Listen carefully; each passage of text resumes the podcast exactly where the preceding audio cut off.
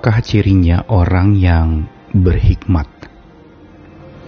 Seringkali kita menganggap orang berhikmat itu adalah orang yang pengetahuannya tinggi, menggunakan kata-kata yang sangat tinggi, bahkan sulit dipahami oleh orang-orang sederhana.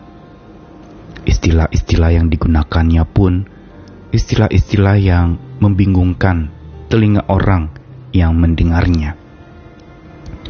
Kitab suci mencatatkan bahwa tidak semua orang berpengetahuan itu berhikmat. Karena hikmat dicatatkan di dalam Alkitab diawali dengan takut akan Tuhan. Bukan karena dia berpengetahuan maka dia berhikmat. Bahkan pada prakteknya orang-orang yang berpengetahuan tinggi atau berpendidikan yang sangat tinggi, ikut-ikutan hatinya pun menjadi tinggi. Merasa sudah tahu, merasa sudah mendapatkan informasi-informasi yang lebih banyak daripada orang lain. Padahal itu adalah jebakan kesombongan. Bukankah kitab suci pula yang sempat mengingatkan bahwa pengetahuan dapat membuat orang menjadi sombong, tetapi kasih itu membangun. Jadi, apakah ciri seorang yang berhikmat? Sesungguhnya, ciri orang yang berhikmat itu ditandai dengan kerendahan hati. Orang yang sadar bahwa dirinya tidak cukup pintar untuk mengetahui. Orang yang menyadari bahwa dirinya itu sangat haus dan lapar akan hikmat dari Tuhan. Karenanya ia sadar bahwa ia perlu bersandar hanya kepada Tuhan dan takut akan Tuhan. Kerendahan hati itu menempatkan urutan utama dan yang pertama di dalam sifat atau karakter seseorang yang merindukan dan mencari hikmat Tuhan. Ini ditemukan di dalam diri orang-orang yang justru sederhana pemikirannya, sederhana di dalam berperilaku. Kerendahan hati bukan saja cikal bakal dari hikmat, tetapi juga merupakan pangkal awal mula untuk seorang mendapatkan hikmat. Sekaligus rendah hati merupakan bekal untuk kita bisa beroleh hikmat sejati yang dari Tuhan itu. Sebaliknya, tinggi hati justru membuat bijaksana dari Tuhan itu ditolak.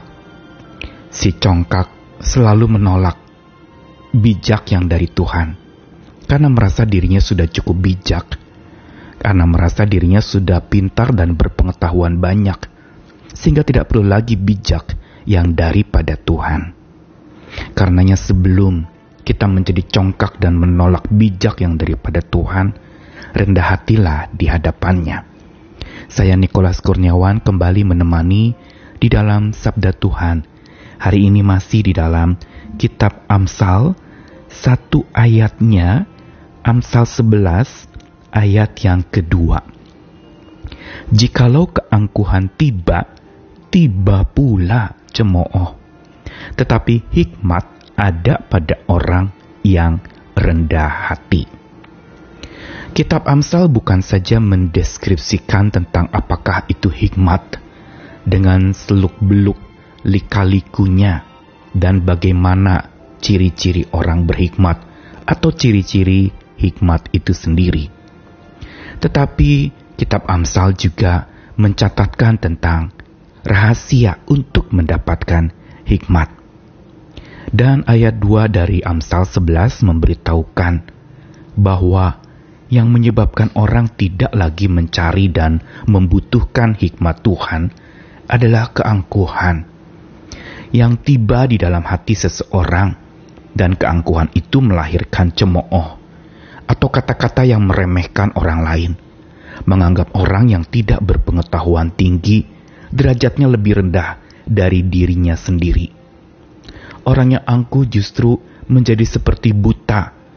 Dia seperti seorang yang ada di puncak bukit atau puncak gunung melihat orang-orang yang kecil di bawah sana dan meremehkannya Dia tidak sadar bahwa orang-orang yang ada di bawah puncak itu melihat ke atas dan menatap kepadanya juga tampak begitu kecil, bahkan mungkin hanya seperti satu titik belaka yang ada di puncak gunung itu. Inilah keangkuhan, membutakan mata, kecongkakan, membuat hati justru makin tidak bijak karena congkak menolak bijak yang dari Tuhan. Tapi sebaliknya kerendahan hatilah yang sangat diperlukan untuk supaya seseorang menjadi bijak.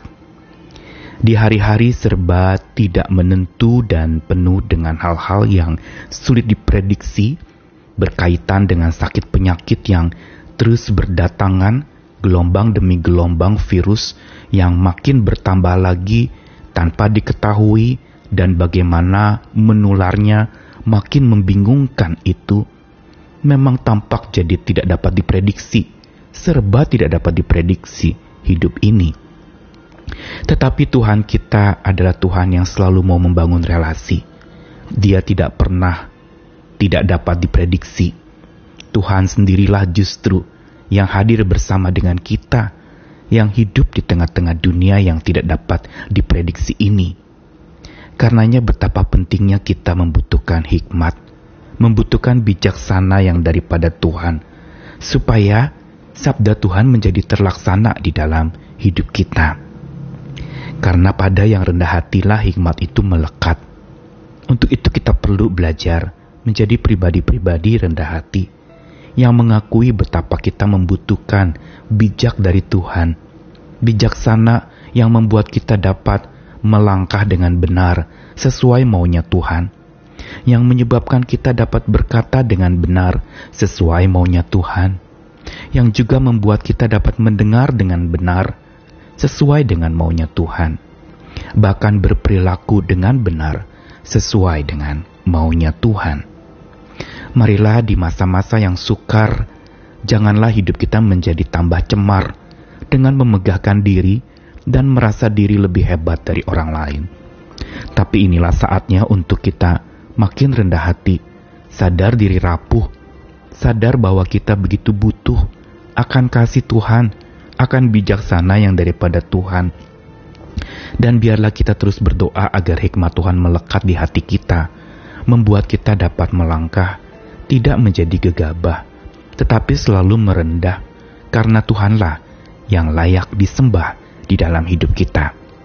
Mari kita melangkah, memasuki hari esok bersama dengan Tuhan Sang Penguasa hari esok itu. Marilah kita maju bersama dengan Tuhan yang tahu akan jalan yang patut kita tuju bersama dengannya. Dia tahu awal dan akhir hidup kita, karenanya berjalanlah bersama dengan dia, dan jadilah bijak. Serta untuk menjadi bijak, jadilah rendah hati, karena bijaksana akan melekat di hati orang-orang yang rendah hati. Selamat hidup menjadi hamba-hambanya yang setia, menjadi hamba-hambanya yang rendah hati, menghamba kepada Tuhan, dan dikuatkan selalu oleh hikmat Tuhan. Selamat melangkah lagi, jangan takut, selalu bersama dengan Tuhan, kita akan kuat menghadapi hari esok. Tuhan mengasihi kita sekalian. Salam semangat, memulai kembali. Amin.